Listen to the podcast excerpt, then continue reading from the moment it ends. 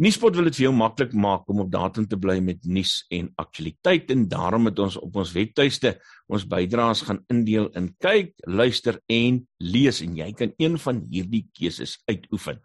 Onthou net, die luisterdeel word eers 2 dae na die kykdeel opgelaai want ons wil daarmee jy moet eers kyk. Maar op dië manier kan jy 'n ryker nuuservaring hê. Besoek ons webtuiste www.nuuspot.com.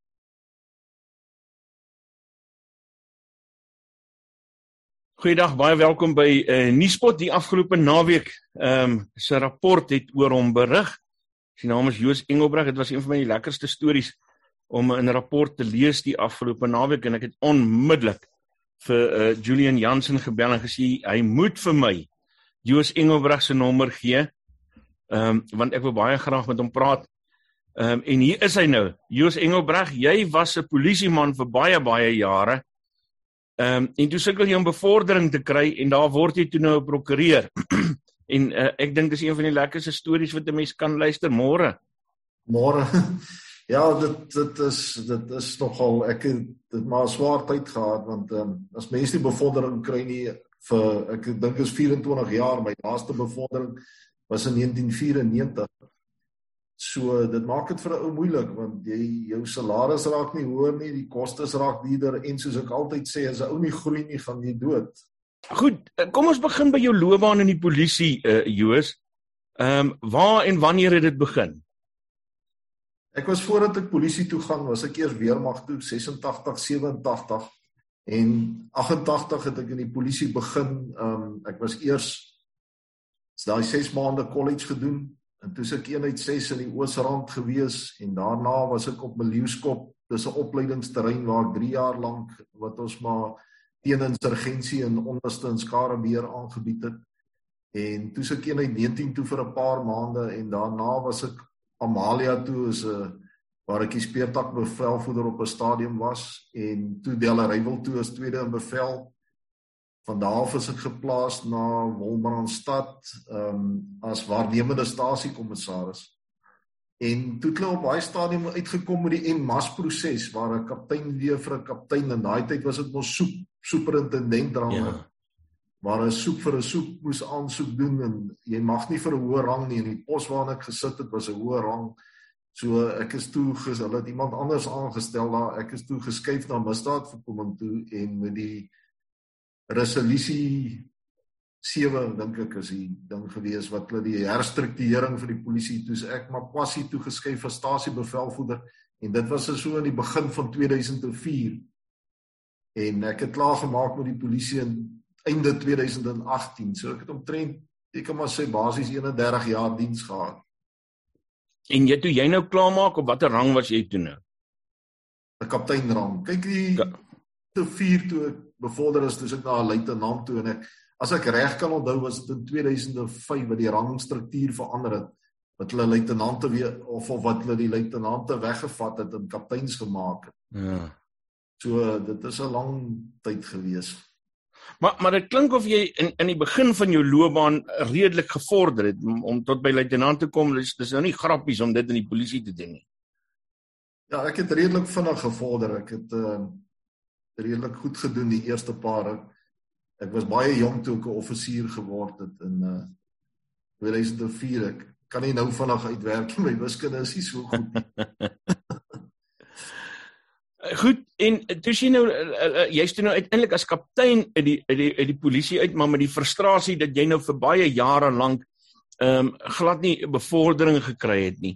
Ehm um, wat is die die redes vir uh om nie bevorder te word in die polisie nie. Ja, ek kan nie veel uitwy daaroor nie, maar um, wat ek kan sê is dat uh,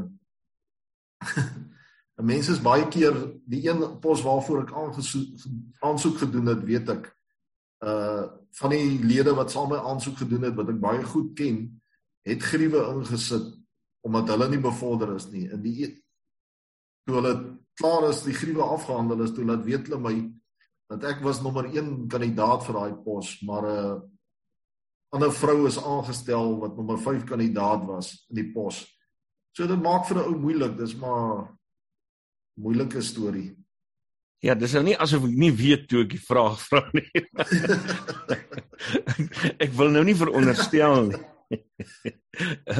Jy's maar maar maar so dit is 'n kom ons praat 'n bietjie daaroor. So dit is 'n werklikheid. Ehm um, uh, minstens vir 'n tyd. Ek weet nie of dit nou nog so is nie, maar maar, maar jy kan nou maar sê uh, dat dat ehm um, dat as jy wit en Afrikaans is dan uh, gaan jy nie ver kom in die polisie in die stadium nie. Nee, ek glo nie, want ek sit met baie wat nog langer as ek in die range gesit. Daar's van hulle wat amper dieselfde tyd, daar's van hulle wat bietjie minder, maar baie van hulle sit al langer as wat ek in my rang gesit het. Sit in daai rang. En ek weet van daar is mense ook wat soos ek is, hulle het nou later bevordering gekry, maar hulle het ook maar moeg geraak en begin ander goed studeer en in ander werke ingaan. So dit is is ek basies dink ek dit gaan 'n probleem op 'n stadium vir die polisie wees omdat hulle ek sê nie ek was kundig nie, ek is ook maar ou leer elke dag. Ja. Vir al die beroep waarna ek nou is, is jy nie jy, jy moet elke dag lees en kyk wat die nuutste wetgewing en goeders is. So maar, maar ervaring op sigself maak jou seker al kundig ja, genoeg. Ja, dit doen want as soos ek wat ek was net op Makwasi alleen was ek amper 14 jaar as stasiebevelvoerder. So jou werk doen jy makliker, jy gaan makliker deur goed en situasies hanteer jy ook baie beter. Ja. Al hierdie nuutste wat goed sommer vinnig kan gebeur en jy weet dan presies wat om te doen want jy het die ondervinding daarvoor. Hoorie uh, Joos, wat maak dit 'n mens so lank in die polisie bly sonder bevordering? Uh, soos wat jy dit gedoen het. Jong, my my hele storie is ek hou van dienslewering. Ek wil met mense kontak maak. Ek hou daarvan. Ek het baie keer as ek van my kantoor af verby my gemeenskapsdiensforum geloop het en mense staan daar voor dat ek vir hulle gevra is hulle al gehelp of so. En dit is so lekker as mense met 'n mens kan 'n verhouding skep. Ek weet daar's ou oom Gili van Sail wat omtrent weekliks by my kom koffie drink het en uh as 'n swart man gewees het wat omtrent weekliks my hy het altyd net kom godsdiens hou daar by my want ons eers so 'n bietjie gebid en koffie gedrink dan het hy nou oor als en gesels van die chillies wat hy plant tot deur tot hoenderboerdery en als maar uh, dis sulke goed wat dit die moeite werd maak en toe op watter punt besluit jy toe ehm um, ek kan nie meer langer hier aan nie. Dis nou tyd om 'n verandering te maak. Ek het in so voor 2015 het ek begin want ek het gesien ek moet vir my kinders 'n beter toekoms skep. Ek is 'n enkel ouer, ek het twee seuns alleen groot gemaak en uh dit help nie ek ploeter net aan in die twee het nie 'n toekoms nie. Ja. ek wag dat jy nou verder vertel, maar toe maar ek dit. Uh, Nati, ag nou noem ek jou Nati, jou broer is Nati. Ehm um, Ja, hy het my baie ondersteun. Die ken ek nou toevallig van uh van Facebook af. Ehm um, hy het al vir my 'n lekker kus wyn uh gestuur, uh ou Nati. Uh maar nietemin, uh, goed, nou uh, toe gaan swat jy nou en en, en het jy dit deeltyds gedoen? Ja, ek het deeltyds dit gedoen. Ek het uh, terwyl ek 'n stasiebevelvoerder was, het ek begin studeer en uh, dit was maar vir my moeilik. Ek dink vir my kinders ook want uh, ek het al my verlof het ek gebruik vir die studies. Uh naweke was maar nie my tyd nie en die aande was ook maar nie my tyd nie. En so ek het ou voel maar bietjie sleg want ek dink basies het jy ook maar jou kinders ook gedeeltes uh te nagekom met dit. Maar uh my kinders is baie lief vir my en ek weet hulle hulle um hulle het gesien wat ek gedoen het en ek hoop ek inspireer die twee manne ook. Dit lyk in elk geval of hulle uh. op pad is boontoe. Wat het jou by regte uitgebring? Dis vir my 'n interessante veld gewees omdat ons het ook maar in die polisies basies al sekere van dit gedoen het en die feit dat jy nog steeds met mense te doen het en 'n hulp en 'n diens vir mense moet lewer. Ek sê altyd ehm um, 'n LLB graad kan jou nie in die hemel bring nie, maar hoe jy mense hanteer, dit is wat jou in die hemel gaan bring daai. En 'n uh, 'n mens moet nie lewe om status en daai tipe goedes nie. Dit moet gaan vir jou oor jy moet 'n doel skep vir mense. Jy moet daar wees vir mense.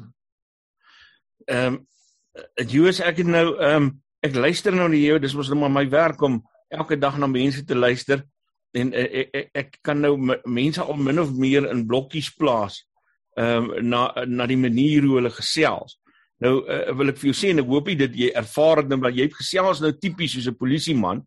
Ehm um, dit dis jy gee die nodige inligting en en en en niks meer nie en dit is nou bewys toe ek nou daar stil gebly het en gewag het of jy vir ons nog iets gaan sê. Ehm um, so dis kort en kragtig en die nodige inligting. Nou 'n prokureur praat to, totaal ander taal. Ehm um, en en en en hulle is baie flower hier sommige van hulle. So nou sit jy in in in twee wêrelde, van een wêreld na 'n ander wêreld toe. Ehm um, en in die een het jy dit gedoen, die wet toegepas en nou is jy uh, in 'n in 'n op 'n plek waar jy die wet gaan moet interpreteer en daai kliënte wat jy voorheen toegesluit het, gaan jy nou moet verdedig. Ehm um, hoe dink jou kop nou al daaroor?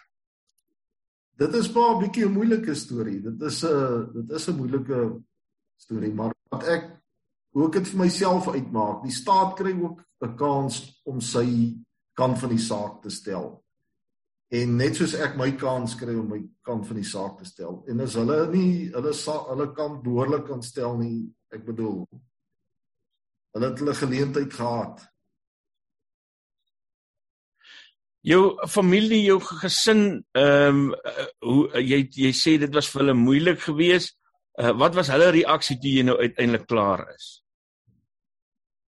Jong my uh veral my broer is eintlik hy wat natie wat my in hierdie moeilikheid gebring het want is hy berig op Facebook geplaas het. Maar natie het my baie ondersteun en ek dink hulle is baie trots, my hele familie is trots op my en ek dink my twee seuns wys dit ook Ehm um, ek is trots op hulle ook. Die enetjie is nou Hoeka, die oudste is nou Hoeka besig om hy's tweede jaar in 'n uh, wat noem mens dit uh architecture, argitektuur hier in UCT waar wat hy dit studeer. En die ander enetjie het ook hierdie komputer uit die drafting en design gestudeer en toe besluit hy nee wat want ek weet dis 'n mannetjie wat hou van sy hande, hy wil 'n dieselwerktuigkundige word en hy het sy teorie klaar gemaak. Nou is hy besig met sy prakties en die mannetjie is baie hardwerkend, baie slim en uh die terugvoering wat ek vir die opleidingstrein kry is net positief. So. En uh, Joos vertel 'n bietjie vir my, ehm um, ek moet vir jou sê ek sien nie kans om nou. Ek ek dink ek is so 'n jaar of 3 jonger as jy. Ehm um, ek sien nie nou kans om na 50 uh te gaan swat nie. Hoe het jy dit ervaar? om weer voor die boeke te sit. Die geheue.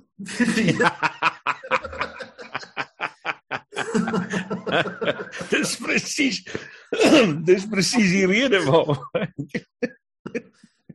Hierdie geheue is maar 'n probleem, ou moet maar twee keer harder insit. Moet maar planne maak om te kyk of hierdie goed want ek spot altyd kyk Natie se geheue is natuurlik wonderlik. Die man kan 'n boek deurlees en dan kan hy vir jou baie dinge uit daai boek uit vertel, maar ek spot Kyk, maar hy's 'n geoefende prokureur. ja. maar wat is hy? Hy's eintlik 'n advokaat, nê? Nee. Hy's 'n advokaat. Ja. Ek spot altyd ek sê nee, as ek op die derde bladsy van 'n boek kom of het ek vergeet wat op die voorblad staan. ja, toe maar ek het ver oggend het ek my sleutels in 'n klomp goed uh neergesit op 'n plek sodat ek dit vinnig kan gryp as ek moet ry. Ehm um, ek het dit eers weer 'n halfuur later gevind want ek het vergeet waar ek dit neergesit het. Jy's ehm um, sommer so 'n bietjie uh, op 'n ernstige vlak ehm um, jy het nou jy het nou die polisie ervaar as 'n uh, lid van die polisie. Ehm um, nou staan jy aan die ander kant van die draad in en en en baie Suid-Afrikaners gesels deesdae oor die polisie. Ehm um, en hulle word uh, heftig gekritiseer. Ehm um, hoe voel jy oor oor die Suid-Afrikaanse polisie? Kom ek sê vir jou daar is baie polismanne wat nog hulle werk doen en vir daai mense dink ek moet die mense begin ondersteun want hulle kry baie swaar. Dis mense wat regtig hulle kry baie swaar. Hulle word elke dag met negatief negatiewe goeters gepeper en hulle self probeer hulle beste en hulle probeer net dit wat hulle voor lief is uit te leef. En uh ja, dit is maar my siening oor die hele storie is dat daai klein bietjie polismanne wat nog oor is wat werklik polismanne is. Ons sal hulle op 'n stadium moet begin ondersteun want hulle kry regtig swaar. Dis uh Joos Engelbreg wat vertel hoe hy van 'n polisieman tot 'n prokureur gevorder het.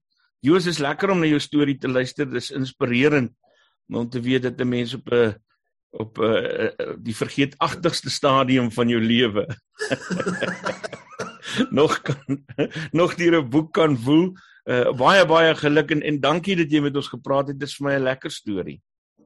Ek waardeer dit en baie dankie en mag julle geseënd wees. Dankie Joos. Verkeersboetes behels meer as 'n klein ongerief met minimale gevolge.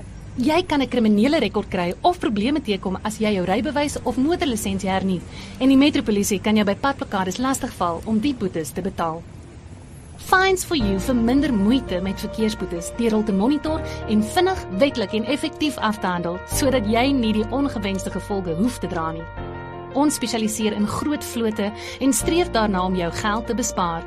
Kontak ons gerus op 011 867 7331 of besoek ons webtuiste by www.finds4u.co.za.